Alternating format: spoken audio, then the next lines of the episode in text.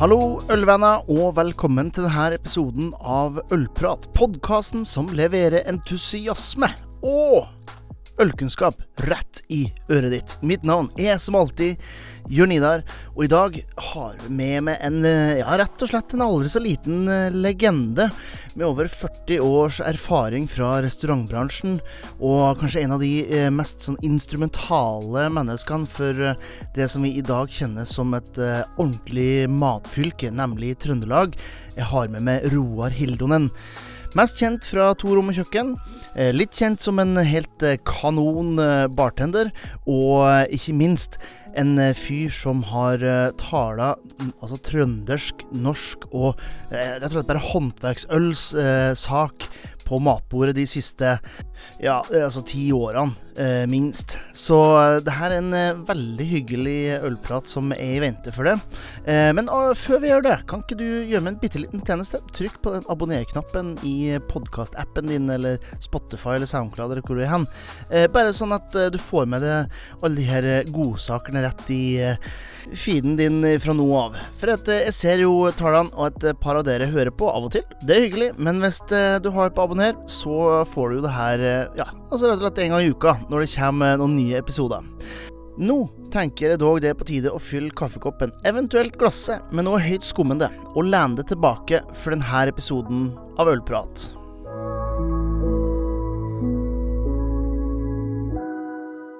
Da har jeg gleden av å ønske velkommen eh, fra, fra Trønderstaden. Eh, Roar Hildonen, velkommen til, til Ølprat. Tusen takk skal du ha. Hjertelig takk.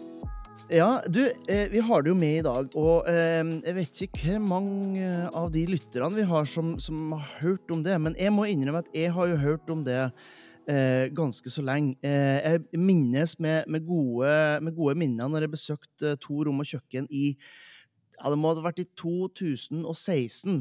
Da besøkte jeg To rom og kjøkken og Britannia og Bryggen gastronomi.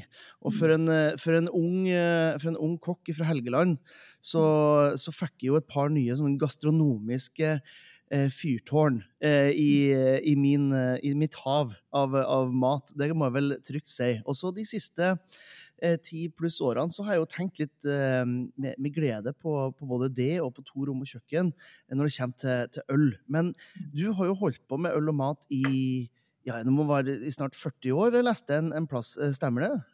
Ja, det har vi gjort. Og øl er jo på en måte den norske vinen, nær sagt.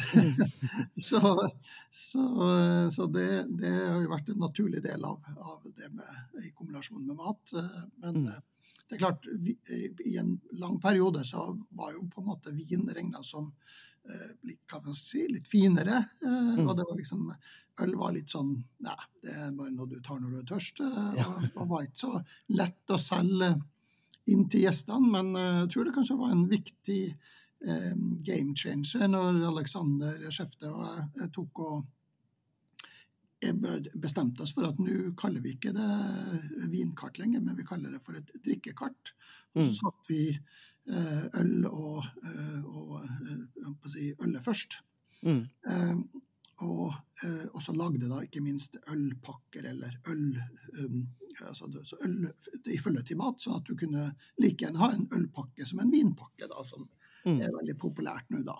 Ja. Eh, og det, og så økte vi jo selvfølgelig utvalget av øl, det er en naturlig følge av det. Eh, gradvis, men, uh, men, spesielt da fra kanskje 2011-2012 eller noe sånt. Mm. At vi begynte å liksom virkelig gire opp og reiste ut og møtte bryggerne oppe i Steinar, oppe på Inderøya og Gjøl ute på Tautra. og ja, forskjellige. Eh, og når Austmann kom, så var jo første kunden deres og var på mm. lanseringa. Og, og, var veldig eh, eh, på i forhold til, eh, til de nye som kom, av Monkey Brew. Og, veldig sånn at vi var veldig heia på de lokale. Eh, mm. og, og, var på en måte veldig tydelig på det. Så engasjerte vi oss veldig i det som skjedde på Dals da når, mm. når Ringnes la ned brusproduksjonen og skulle flytte den til Gjelleråsen. Så, så ble vi jo redd for at bryggeribiten uh, skulle forsvinne. og og ble forbanna, da, for å si det sånn. Så, så, det, så det, også var en viktig del av, av engasjementet da, rundt det. Men, uh, men jeg har fulgt meg hele hele min karriere, og nær sagt, før det òg. ja, men ja, du er litt, er litt nysgjerrig. Når starta du, når og hvor starta du din, din reise i, i mat- og drikkebransjen, egentlig? Ja, det, så, sånn smått så begynte jeg, når jeg er jo født og oppvokst i Vadsø, men, men jeg skulle til New York i 1980, og da på, på høsten 79 og vinteren 80 så måtte jeg jobbe for å ha ekstra penger, da. Og da mm, var jeg DJ, av alle ting. Ja. det, men, men, det var nå artig, det. Men også så fikk jeg lov til å stå litt bak disken i, på puben i Vadsø hotell da, og, og ja, var dørvakt og alt mulig rart. Der, uh, så det var, men så når jeg kom til Trondheim, så var det for å gå på næringsmiddel teknologisk skole, men, men, når man kommer til en storby, så ble det jo mer spennende å gå gå på byen eller gå på, på skole, og da vet du hvordan det går. Det går jævlig dårlig. ja, det er rart det der. Så da, da ble, det, ble, det, ett år på skole, og så fant jeg ut at jeg måtte finne på noe annet. Og da, eh, ved en tilfeldighet, så fikk jeg jobb som eh, rett og slett som ryddegutt eh, på en nattklubb som het Galeien, men ble kalt Downton da, i det som het Handelsstandshus i Trondheim, rett over Britannia Hotel. Så det var Eh, der jeg begynte, det var da Arvid og Turid Skogseth som var legender i, i, restaurant og gastronomi på, på 60-, 70- og 80-tallet. Mm. Ja, det er, jo, det er, jo, et stykke fra, fra Vadsø til, til, Trondheim. Men eh, jeg nevnte jo det her med at på midten av, av 2000-tallet så, eh, så var det liksom Trondheim vi som var nord for Trondheim, så til for å få, for å få inspirasjon og få liksom det høye eh, altså det, høye, det, høyere nivået enn vi hadde det, det vi holdt til. Men, men, hvordan var det her utover 80- og, og 90-tallet i Trondheim? Hvordan, var, hvordan så mat, uh, mat-Trondheim ut da? Nei, det var jo, jeg må jo være ærlig og si at det var uh, ganske kjedelig, da, vil jeg si. Det var jo uh, veldig begrensninger på det med, med skjenkebevilgninger, og det er jo en naturlig del av det å drive en restaurant. Mm. Eh, og Ergo så var det jo en, et stort hinder for, for utvikling fordi at man har satt et såkalt tak på det, eh, med antall skjenkebevilgninger på under 40.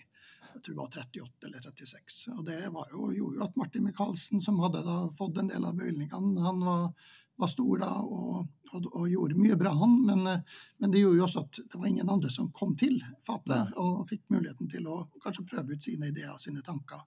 Eh, før, um, før Marvin Wiseth uh, tok over og, og, eller på en måte man fikk en, en, en revolusjon på, på, slutten av 80-tallet med eh, Det var for så vidt eh, Eh, mange krefter som jobba for det, men da tok bort det med restaurantbevilgning, eh, eller så restauratørbevilgning, eller altså restaurantfagbrev eller noe sånt.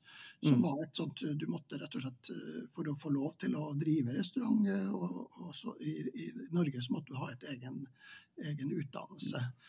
Det var jo hindrende. Men så var det jo også det at antall skjenkebevillinger som da sa, at, sa bort taket og si at eh, det er enkelt å få, men enkelt å miste.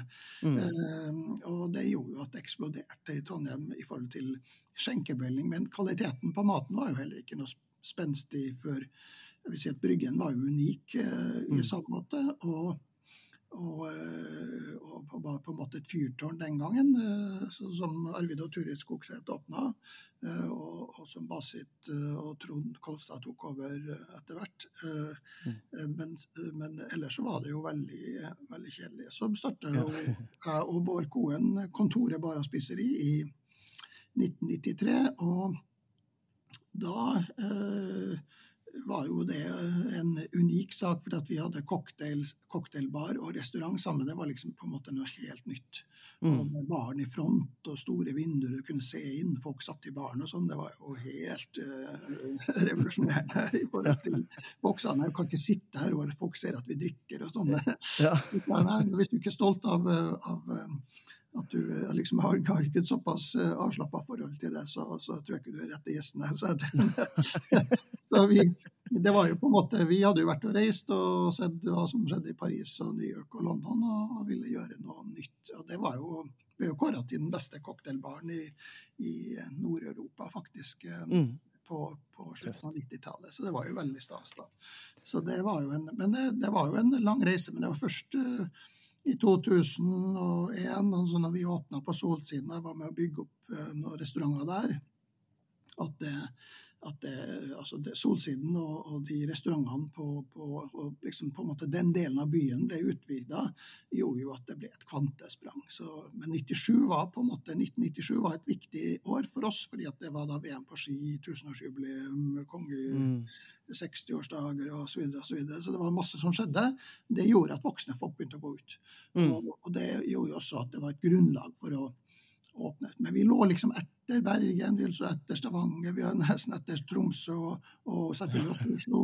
Så, så, vi var på en måte Men så, så, um, har det på en måte fra jeg vil si fra 2001 uh, så begynte det å røre på seg, og så er det fra 2010, kanskje hvis man kan da sette en dato som Da hadde vi starta kontoret i 2000, nei, Torum og kjøkken i 2005. og mm.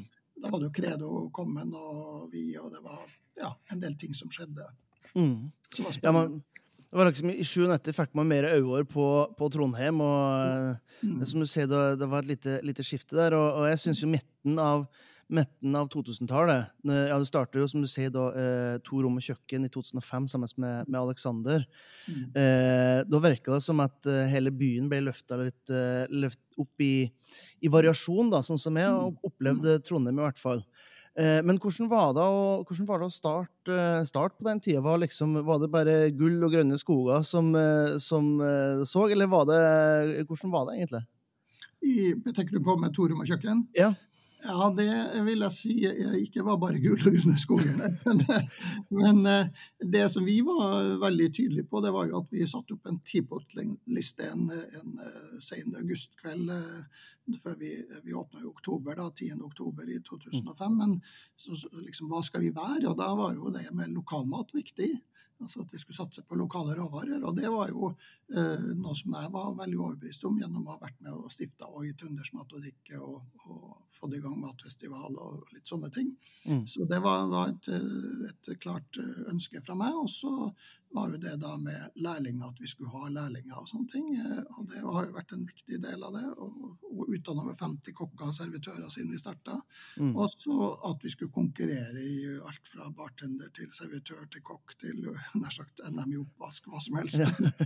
Eh, fordi at jeg har vunnet VM i cocktail og vet hvor viktig det er. Og, og, den følelsen av å stå øverst på pallen er viktig. og mm.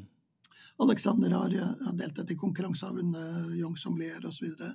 så vi, vi syns at det var en viktig motivasjon for det å være i bransjen. og det å liksom få ja, måtte trene på det du skal bli god på. og Det var mange fordeler med det. og det har vist seg å ha vært en Men det var har vært en lang reise. Husk på, Vi starta med ti ansatte. og Kanskje vi hadde 10 millioner i omsetning første hele driftsåret i 2006, og i dag så hadde, i fjor så hadde vi 40 millioner i omsetning. og og godt over 30 ansatte, så det er jo klart at det har men, men, det har jo vært både opp- og nedturer. Men det har jo banke bordet gått bra. men, så langt, og det satser vi på at det skal gjøre i fremtiden. Ja, selvfølgelig. Eh, er det det lokale fokuset som gjorde at eh, dere begynte å se på, eh, på øl som en, en, en, viktig del av mm. den gastronomiske opplevelsen? Ja, det er uten tvil. Det, mm. det var det. Og, og, det at vi, vi på en måte Eh, si at Egentlig så starta det med, eh, med en, eh, altså Det var en viktig del av det, men også et foredrag jeg hadde for selgerne på uteliv for Ringnes, i, faktisk i København. Da hadde en stor sånn samling der hos Carlsberg. Så spurte om jeg kunne komme og snakke til dem om, om hvordan vi i uteliv så på, på deres måte å jobbe på. Mm. og da Eh, jeg veldig tydelig og provoserende til dem. Eh, men det gjorde også en prosess opp i mitt hode eh, i forhold til hvordan jeg så på øl og øl, altså dem, dem som jobber med øl, og hvordan de mm. jobber. Og, og, spesielt de store, altså om det, om det er Ringnes eller Mack eller, eller Hansa. De jobba 9 til 4, mens eh, vinimportørene de kom på besøk når restaurantene åpna. Ja. Altså, de kom etter fire. Ja. Eh, de jobba på ettermiddag og kveld eh, mm. og, var mye mer tett på oss som, som jobber i restaurant, eller jobber i restaurant. Og det, det provoserte dem på, og så sa de at jeg syns dere er for kjedelige. Dere mm. har masse kunnskap om øl, men dere eh, fokuserer altfor lite på variasjon og på, på, eh, på, på en måte håndverksbrygga øl. Og at dere må også En ting er å si at vi, vi syns at dere må selge øl til mat, men først må dere lære oss hva funker til hva, hvilken mat osv. Og så var jeg veldig provoserende, men det gjør jo så et prosess oppi hodet. Jeg tenkte ok, jeg må være god sjøl, da. Altså. Vi var ute og reiste og møtte bryggerne, og spesielt de lokale, da, men også ja, de, de, alle de, de uh, ulike Ja, bryggeriene som var Ja. ja. Så mm. det, det, var viktig for oss. Mm. Hva, hva var på en måte tilbakemeldingene som du, du fikk da når, når, du går fra å, å, å ha et stort uh, vinkart, en profilert uh, sommelier. Uh, du som et kjent fjes i restaurantbransjen i Trondheim over mange år. Og så plutselig så kommer man inn døra på rom og kjøkken, og så plutselig så begynner man å snakke om noe man har hørt om som er ølkart og ølmeny. og Hva var tilbakemeldingen dere fikk da? Ja, det, altså, vi, vi, vi, gikk jo ut da og sa at øl er den nye vinen. Mm. Og det var det jo i hvert fall en del av mine venner som er, er over snittet interessert i vin. Det, og det var jo på førstesideoppslag på Adresseavisa og på, på Byavisa, som det het den gangen. Mm. Så både jeg og Alex var ute og sa akkurat det samme ja. i forbindelse med, med, en eh, ølfestival, eh, eller, så, eller matfestivalen og noen ølfokus vi hadde på matfestivalen. Jeg hadde et sånt mm. kurs om lokaløl. Ja. Og Så spurte jeg hvorfor liksom øl, og så sa jeg at øl er den nye vinen. Og det sa Alex òg, på en annen sammenheng. Og da ble det veldig mye eh, telefoner og tekstmeldinger og lurte på om vi skulle kutte ut vin på Torm og kjøkken osv. Og, det, og, da, og da sa jeg, sa jeg på det, Alex at det må jo være lov å ha to tanker i hodet samtidig. så det var, Men det gikk jo fort over. altså Folk så jo så er verdien av det. Også, også det mm. at vi eh, liksom ikke mm, bare snakker om importøl, og liksom, eh, om det er belgisk eller tysk, eller liksom, men, men, faktisk om det lokale. Da, og dro mm. frem lokale entusiastene som, eh, som, som holdt på med øl. da. Mm. Og, og, som, et, som et på en måte øh, altså vi Foreløpig så kan vi i hvert fall ikke produsere noe særlig vin i, i Trøndelag, men, men, øl kan vi produsere. Og da eh, var jo det en viktig del av det. Og så, jo, så er det jo det med Øl det er jo greit at det produseres, men alle råvarene kommer jo ikke fra Trøndelag. Nei. Så begynte vi etter hvert eh, for noen år tilbake å liksom si at ok, kanskje vi burde Hvorfor dyrker vi ikke humle her? Hvorfor vi, bruker vi ikke bygge? Vi, eh, vi, dyrker, vi, dyrker, masse bygg i Trøndelag, hvorfor bruker vi ikke, malter vi ikke det? Akkurat som Stjørdal har gjort med Stjørdalsmalte i alle år. Hvorfor, ikke, hvorfor bruker ikke lokale bryggerne eh, lokalt eh, malt? Eh, og da begynte vi å skjønne at malte som dyrkes i Trøndelag, det dyrkes jo til fôr. Det er mye protein og mindre stivelse og litt annen type bygg enn det som egner seg for brygging. Og så ja, man satte spørsmålstegn ved det, og det har jo ført til f.eks. Bonsak-Malta, som er blitt et fantastisk eh, malteri oppe i, i, nord i Trøndelag, må jeg jo si i dag. Ja. eh, og, og helt tatt det som har vært Det har vært, skjedd masse rundt det, og man dyrker plutselig humle, og man gjør mange ting som er mye mer spennende. Samtidig som også det med, med at vi liksom tilsetter ting i ølet som vi ikke gjorde før. altså med, mm. Fra bær til hva som helst. Da. Jeg har jo hatt en fantastisk artig prosess med, med Esedals bryggeri på to av deres øl som Eller altså det at Wolfgang Lindell, når vi kom i gang inn der Eh, etter hvert ble kjent med han, og han var her. og Jeg serverte han noen cocktails eh, som jeg har designa, og han, eh, han sier 'Fader Roar, jeg kan, kan tenke meg å lage en øl av Kyoto, drinken din'. Eh, og så miksa opp en liter Kyoto og kjørte inn til han med den. Og, han, og bryggerne smakte på det en kveld og, og, og kom frem med en som ble da lansert som det første spesialølet deres på storflaske. Mm. Eh, og, og, eh, som nå kommer i høst, da, eh, igjen på tapp, faktisk. Ah. Så det er på utvalgte skjenkesteder. Ja, ja, ja. ja for... og Essedals pøbelkjøkken. Ja, ja det, det, er ganske utvalgt. Det, det, det, ja, det blir nok flere, men, men i hvert fall der kan du I hvert fall der, ja. Dagens episode er sponsa av Ølsirkus, altså mitt eget eh, firma der jeg arrangerer ganske mye spennende, og kanskje det mest spennende jeg gjør i løpet av året, er å arrangere kulinarisk ølsirkus. En ordentlig festaften for øl og mat. Fem bryggerier, fem øl som får spesiallaga en egen meny til hvert enkelt øl. Altså, det er en opplevelse. Det skjer 3. februar på Grorud samfunnshus, og du kan finne billetter allerede nå på olsirkus.no eller via linken i shownotesen. Nå er det på tide å gå tilbake til ølpraten.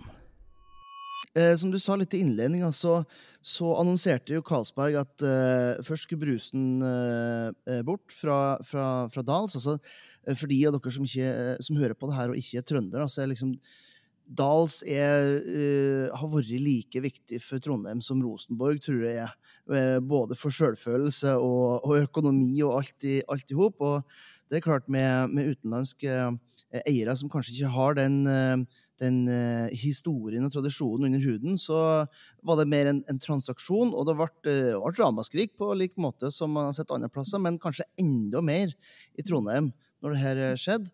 Og, og, plutselig så, så, kom nyheten at nei, da skal ikke legges ned, det skal gjøres om.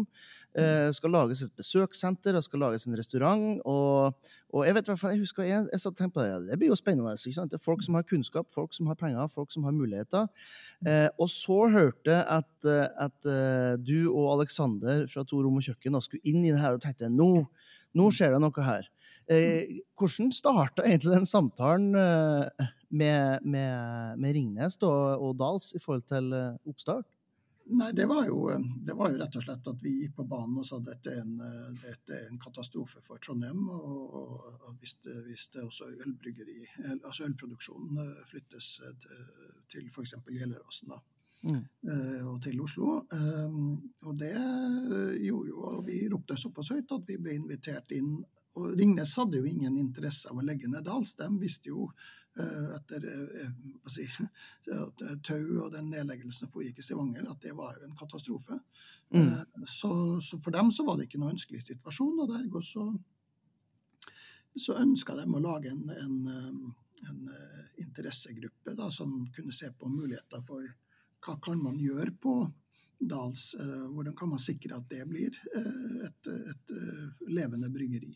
Mm. Uh, og da ble både jeg og Aleksander invitert inn i den, eh, den uh, gruppa der, sammen med alt fra, fra si, LO og, og, NO, og det var næringsforeninger, det var si, ja, Rosenborg og ja, mange forskjellige dagligvarer. Og, og uteliv. Så det mm. var en ganske stor gjeng. og, og det første møtet vi hadde på Dals, uh, var ganske interessant. For det var veldig sånn Ja, hva skal jeg si? Det, det, det, var, det var, greit, men det var liksom ikke noe uh, Jeg syns det mangla en sånn nerve. Og så sa jeg det at uh, reiste meg opp og sa at jeg lurer på om jeg kan ta ordet. Og så stilte jeg meg foran hele gjengen og så sa jeg det at folkens, håndverksbrygging og øl, det toget går nå. Og det siste vogn som kjører ut fra stasjonen, hvis vi ikke springer som F nå og hopper på, så går det toget. Nå har dere muligheten til å rive gjerdene her, få uh, revitalisert Dals, uh, begynne å brygge uh, kanskje verdens beste øl en dag i fremtiden. For vannet er det i hvert fall ikke noe gærent med, kunnskapen er det ikke noe gærent med. Uh, og Dalspils må vi ta vare på. Det er morsmelka til trønderne, så det kan vi ikke ta bort. Eh, og så må vi eh, utvikle nye ølsorter og, og, og, skape en opplevelse og invitere um, dem som er glad i øl, inn i bryggeriet og inn i, i å se, få se prosessen osv. Mm. Og da ble det full jubel og applaus. og det er liksom, ah, Endelig noen som sa det som det må være. så alle hadde tenkt på, men ingen sa det. Og da, da ble det på en måte en, en det ble, det ble, en veldig eh, fokus da. Og da ble jeg invitert inn i en sånn mindre gruppe som jobba opp mot, uh, mot uh, bl.a. Trondheim kommune i forhold til å, å få til eh, nye ting der. Og også det at det områder som man ikke hadde behov for. For man hadde jo enorme områder der, kunne selges ut uten at man la ned bryggeriet. Og da fikk vi til en avtale med kommunen, slik at de også satt krav på at bryggeriet skulle være der, men man kunne skille ut resten. da. Det mm. gjorde jo at man fikk solgt området. Og så var det jo da å utvikle et bryggeri, det var nå én ting, men så var det å nå ville man ha en restaurant eller pub og litt mer opplevelse der. Og da, da tok jeg og Alex og signerte en intensjonsavtale. Og så spurte vi om 125 millioner fra Carlsberg. Det er masse frem og tilbake, det var en lang historie. men da var det et stort styremøte i København, og da tenkte vi få vel nei. Men men eh, da fikk vi 125, og da sa han eh, husker jeg ikke han het, han fra Ringnes som forhandla, eller som var, presenterte Faen råd at vi ikke ga om 150. Det, Men det er alltid for lite når du skal bygge om. Det er alltid dukker opp ting. Men eh, det ordna seg, og det ble både nytt bryggeri og det ble nytt ny restaurant, og da plutselig satt jeg og Alex med fader, og vi må kanskje lage noe her. så, ja. det var, men det var en veldig artig prosess og, og veldig spennende. Det har jo vært en eventyrlig reise inn der òg. Uh, mm. Alexander er jo der til daglig og er daglig leder. Og, og det eies jo av meg og han og, og Hege, da, min kone. Mm. Så vi eier jo både Torum og kjøkken og Dals sammen, og, som, som, eh, som, vi har gjort med, med og kjøkken. Mm. Ja, og, og, og, jeg altså Som sagt, jeg, jeg, var jo med glede når jeg så at, at du og Aleksander kom inn. For før da eh, det her er jo et, tidspunkt der eh, det er litt oppkjøp i bransjen, og det, er en del som skjer, og det skrives om kontrakter av både Hansa og Ringnes og alle de store, og de, det er ordentlig sånn Ikke klappjakt eh, på, på norske håndverksbryggerier, men jeg, jeg merka vi fikk en litt annen innstilling. Da, og jeg, had, jeg må innrømme personlig hadde litt lyst til å ikke like Esedals pga. deres eierskap, og så kom dere inn og, og har jo laga det som jeg tør å påstå er det, det beste stedet for øl og, og mat i, i Norge. Eh, og, og, da er jo spørsmålet hvordan, hvordan går man fram, da? Eh, når dere skal etablere noe som har over 100 års historie ikke sant, med, med, med dalsmerket, men det skal være noe helt nytt og annerledes som ikke har vært gjort før? Nei, For oss var det jo viktig å huske, huske at Brooklyn Brewery var jo med, og det var jo en viktig del av, eh, av suksessen, tror jeg. Mm. At de, og Gareth Oliver var med og coacha Wolfgang og, og jobba tett med han i forhold til å utvikle nye øl. Og, og Wolfgang satt jo på masse kunnskap og var jo en dyktig ølbrygger, men jeg tror han, for han var det jo utrolig viktig å ha med en som Gareth, som er en legende. Sant? og som, mm. som, vi fikk veldig god kontakt med. og Vi besøkte dem mange ganger, besøkte dem mange ganger i, i Brooklyn. Og de har vært og besøkt oss med dem her, og vi har ja, tatt, hadde et veldig godt uh, forhold til og Eric Ottaway og hele, hele gjengen der. Mm. Men uh, de var jo også med og, og, skulle bestemme hvordan det skulle se ut i restauranten. Eh, og når vi tegna ut den, så sa de ja, men det her var altfor fint. Eh, det, jo, det, det, holder jo med noen trebenker. Du har kanskje vært i Brooklyn og sett hvordan de har det på Det er jo veldig enkelt i forhold til hvordan det er på Dals. Uh, og da sa jeg at uh, det, i Brooklyn så går det. Det er bare, uh, det er bare um, nær sagt hipster i Brooklyn som det skal. Så, så, altså det, det, er liksom noe helt annet i en, i, en, i en, del av verden der det er mye kaldere og mye kortere sommer.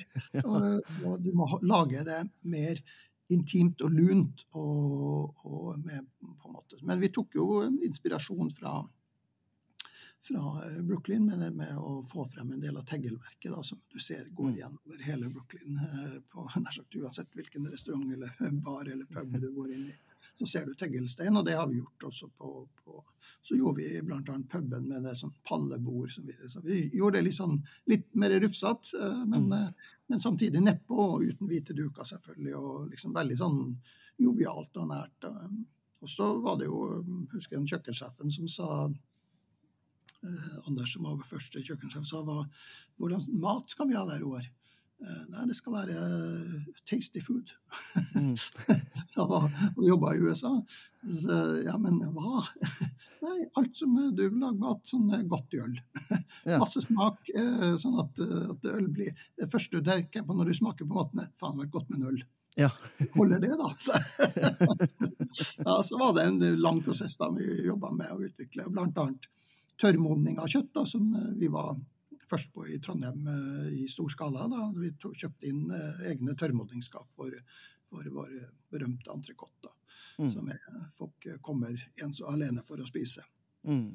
Og da får du en del avskjær, og så lagde vi en tørrmodna burger. Eh, og, og, det har jo vært også en salgssuksess. Så de to tingene der er jo kanskje de to som er mest kjent for. Men vi lager jo en veldig stor meny der, og det er jo både deilig fisk og, og, og har den godt og mye, mye sånn snack. Og ja, du tenker å liksom spise en full middag. Du kan sette deg i puben og bare ta en snack og, og ha noe godt til ølet ditt. Og Mm. øl og mat i kombinasjon er jo veldig spennende. Eh, Ja, det Så syns jeg òg. For det her er jo tidspunkt når dere starter opp eh, eh, Esedals på nytt igjen. De årene utover utover så føler jeg som personlighet Da gikk egentlig eh, fokuset på øl hos restauranter litt nedover. Eh, litt gæren vei, eh, har det føltes ut som. Hvorfor tror du at det er eh, At det har vært vanskelig for for bryggerier og øl å få liksom en fast plass i, i restaurantverden som et, et fullverdig alternativ til, til vin?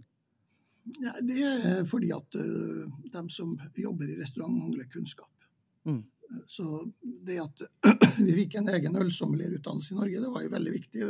Alexander Schefte var jo den første, på den første, på si, Mm. uh, første kullet som gikk ut. Uh, Så det var jo viktig for oss. Og så har jo vi Nå har vi jo to, uh, to eh, servitører herfra som går og tar utdannelse i Oslo. på sånn, ja, Uh, og vi har jo utdanna flere ølsommelierer både på Dals og på to rom og kjøkken gjennom tida. Så kunnskap, når du har kunnskap om øl, så er det mye lettere å selge øl. Folk Mm. føler seg tryggere på vin, for det er utrolig mye fokus på vin. Masse importører. De kommer med forslag. altså De har stadige masterclass osv. Mm. Eh, for sine viner. Og, og, og si, eh, smakinger og presentasjoner av viner. og det er Vinfestivaler, og det er vin ditt og datt. Og eh, øl er er mange servitører utrygge på, og restauratører for den saks skyld, eiere. Så, eh, så det er, eh, er grunnen, ganske enkelt. Så kunnskap. eh, Er du trygg på kunnskap, så har du ingen problem med å være fronter og si Kanskje du har lyst på øl til, eller har du lyst på øl til maten, eller har du lyst på vin? Vin med øl, f.eks.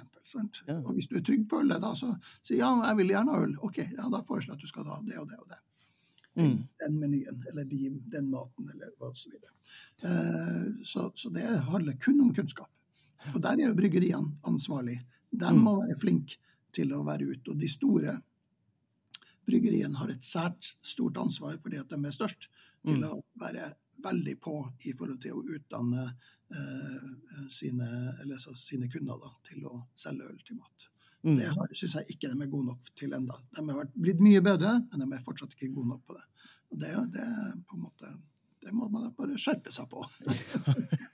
Ja, du, nå snakker du mitt, eh, mitt språk eh, her, det, det er ikke noe, noe tvil om. Og jeg tenkte jo, altså, eh, Trøndelag er jo Har jo gått fra å være, som du sier, da, hengt etter både Stavanger, kanskje spesielt Stavanger, som var veldig tidlig ute med å være ordentlig bevisst på, på det her med, med mat, og, og Bergen og, og Oslo også hadde jeg vet ikke, det var kanskje som du sier da, rundt, eh, rundt 2010 så skjedde et eller annet en switch. Eh, du, du har, eh, og du har eh, Matfestivalen, som jo er, er svær i eh, Altså Trøndersk matfestival, som er, er, er svær. Og, og ikke minst da Bryggerifestivalen, som nå er den største bryggerifestivalen i hele Norge. Eh, og jeg tenker, hvis du greier å få titusenvis av trøndere til å komme og et og drikke i ei hel helg, nesten ei hel uke, eh, så tror jeg ikke det er interessen det går på det. Som du sier, da, det, det er det at de ikke får valget. Eh, fordi kanskje eh, bransjen vår som, eh, som helhet da er litt, henger litt bakpå når det kommer til kunnskapsbiten, kanskje. Mm. Ja, det er for, det er for få som er trygge på, på å fronte øl. det er det ikke noe tvil om. Og det, det, mm, det må vi gjøre noe med, så, sånn at det blir en helt like naturlig del som vin eller en juicepakke eller nær sagt hva som helst av, av andre drikker til. Så det, det skal være like naturlig å anbefale øl som vin eh, Ja. til, til, til maten. Og da vil, da vil man se at det er mange eh, Og det opplever vi hvis det er et bord der noen har vin og noen har øl, så syns de faktisk, eh, de som drikker vin Oi, det så veldig spennende ut, det ølet, kan jeg få smak på det? Og så, videre. og så plutselig du kan jeg bytte ut eh, vin med en eh, liksom eh, midt i, så det, liksom, kan jeg Mm. bytte ut med, til øl på den retten, neste retten og sånn. Ja, ja, det kan du få. også. altså, det, det, skjer veldig mye spennende når, når, du får i gang praten og fokuset på det. Så det mm. Ja, jeg synes Du er jo et levende eksempel på at det trenger ikke å være enten-eller, det kan være både og. Mm. Eh, fordi at eh, Trondheim var jo europeisk matregion i fjor. Eh, men da var det jo Da var jo du òg eh, Da ble jo du rett og slett eh, eh, ambassadør for vinregionen Saint-Emilion i, i mm. Bordeaux. Mm. du er jo verdensmester i, i cocktailmaking, og, og, i år så kommer du med, med det jeg har forstått, er din svigerdatter. Mm. kommer dere med det kommer du med en helt ny De skal gifte seg neste sommer, så, ja. så per definisjon er vel ikke ennå, men, eh, men kommer på vei til. Mm. Ja. eh, og da kommer ut uh, nå, da. Shaken or stirred. Mm. shaken not stirred, but shaken or stirred. Uh, og da er det 111 cocktails og flere cocktailsnacks, altså matretter, enn 20 matretter i tillegg. Så, så mm. det, det er veldig spennende. Ja, det er jo et perfekt eksempel på at man, eh, man Det trenger ikke være eh, både og. Nei, det trenger ikke være enten-eller, som sagt. Det kan være, kan være både og. Ja, det kan være tre tanker i hodet, både det Vi har jo jeg har en del gjester som drikker cocktails til maten, og spesielt amerikanere da, mm. eh, i sommer. Det har vært veldig artig. De, jo, de, er, de, gjorde det på 80-tallet, vi var bare helt er det mulig? Cocktails i maten, og så harry. Eh, og i dag så er det jo faktisk veldig kult. ja. Ja, det, det, har jo skjedd ekstremt mye på brennevinsfronten i, i, Norge òg, og hele den biten ut av Men det er jo en, det er jo en podkastepisode i seg sjøl, det. Men, så jeg skal ikke, skal ikke, gå inn i det. Men hvis du eh, Bruker du noe særlig øl i cocktailmakinga, eller er det Ja? Kan du ikke gi lytterne en, en, lite, en lite tips til en, til en, eh, forholdsvis enkel eh, eh, cocktail som de kan lage hjemme? Og så når de blir inspirert av den, så kan de gå ut og kjøpe, kjøpe boka. ja, eh, det er klart at, at, når det gjelder eh, ja, Hva skal jeg si eh, Det å bruke øl, så er det viktig å tenke seg gjennom hva er det, hva er det ølet skal gjøre i cocktailen. Mm. Hvis du tar f.eks. en IPA, så er jo den, har den jo høy bitterhet. Eh, men det kan også ha masse fruktighet. Men bitterheten den må må balanseres på noen måte. Og I cocktail så jobber vi jo med syre og bitterhet, og, og brennevin har på en måte er det vodka, så smaker det ingenting. Da gir det bare styrke til cocktailen. Eh, er det en, en rom eller en konjakk eller en akevitt, så gir det jo et karakter til cocktailen. og så er det jo da Eh, andre smaker. Da. Eh, og eh, Tinnvedbær, som er en, ressurs som finnes mange plasser i Norge, spesielt i kystnære strøk, men også mulig å kjøpe på, på butikken, er et fantastisk Eller andre bær. Mm. og det syns jeg er kult. Tyttebær, f.eks. Så det å, å bruke f.eks. akevitt, og så gjerne et, et øl som, som type hvitt øl, eller altså en, en, noe som har frukt og, um, og, på en måte mer fruktig i stilen, mm. og uh, ikke har for høy bitterhet, det gjør det at det er mye lettere å lykkes med det. Mm. Så hvis du tar f.eks. Um, akevitt, og så bruker du uh, uh, la oss si sitron, da, som er nøytralt, istedenfor lime, som har litt mer egenkarakter. Og så du, kan du da mødle F.eks. Eh, litt eh, friske bær, eller, eller, frosne bær for den saks skyld. Det er ingen problem. Eh, og det La oss si bringebær, tyttebær, hva du har for hånden. Og så bruker du da akevitt og bær og sitron. Og så topper du det, så shaker du det med is, og så topper du det med iskald f.eks. en, en en hvitt, eh, mm. belgisk hvitt, eller en belgisk-inspirert hvitt, eller eller norskinspirert hvitt. Ja. eller, eller noe, noe, lys eh, pale ale, eller et, et, eller annet som ikke er for bittert.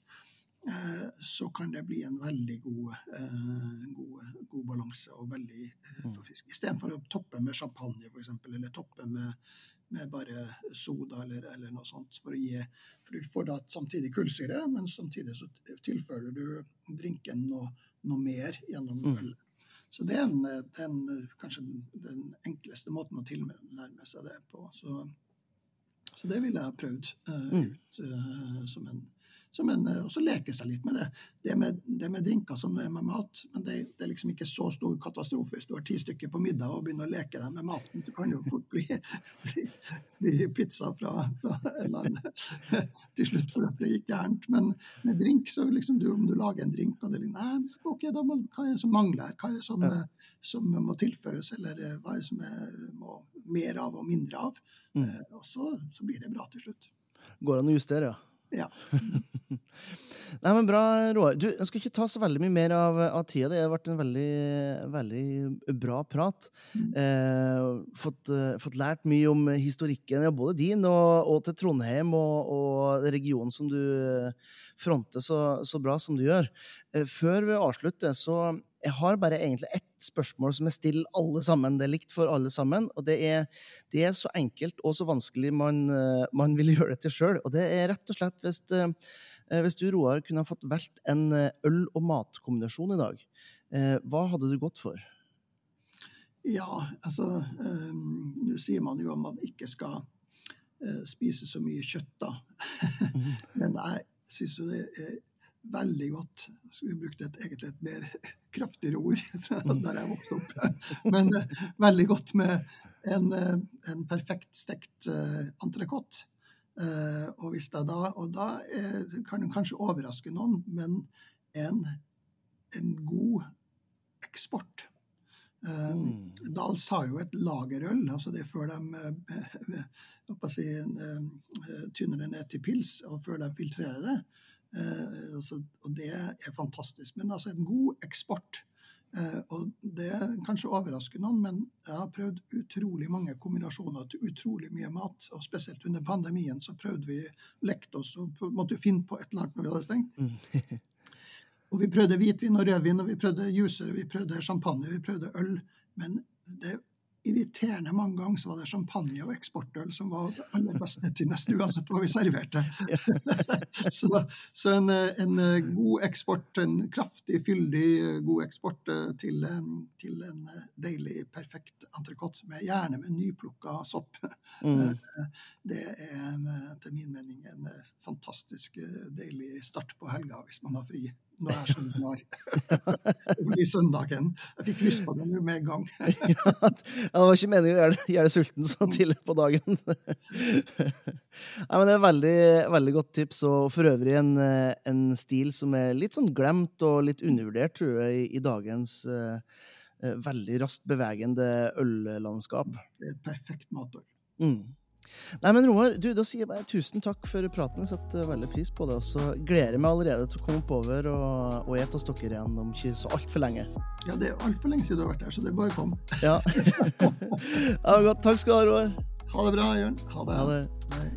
Tusen takk til Roar for en god og inspirerende ølprat, og ikke minst tusen takk til det som hører på. Og en spesiell takk til alle de som er med på å støtte podkasten gjennom patrion.com. De gir et par kroner måneden, får de her episodene før alle andre. De får eksklusive nyheter, en eksklusiv episode hver eneste måned, og mer til. Så hvis du liker det du hører, så hadde jeg satt pris på om du ja, donerer et par kroner eh, til meg gjennom eh, patrion.com slash olprat, eller via linken i eh, shownotesen.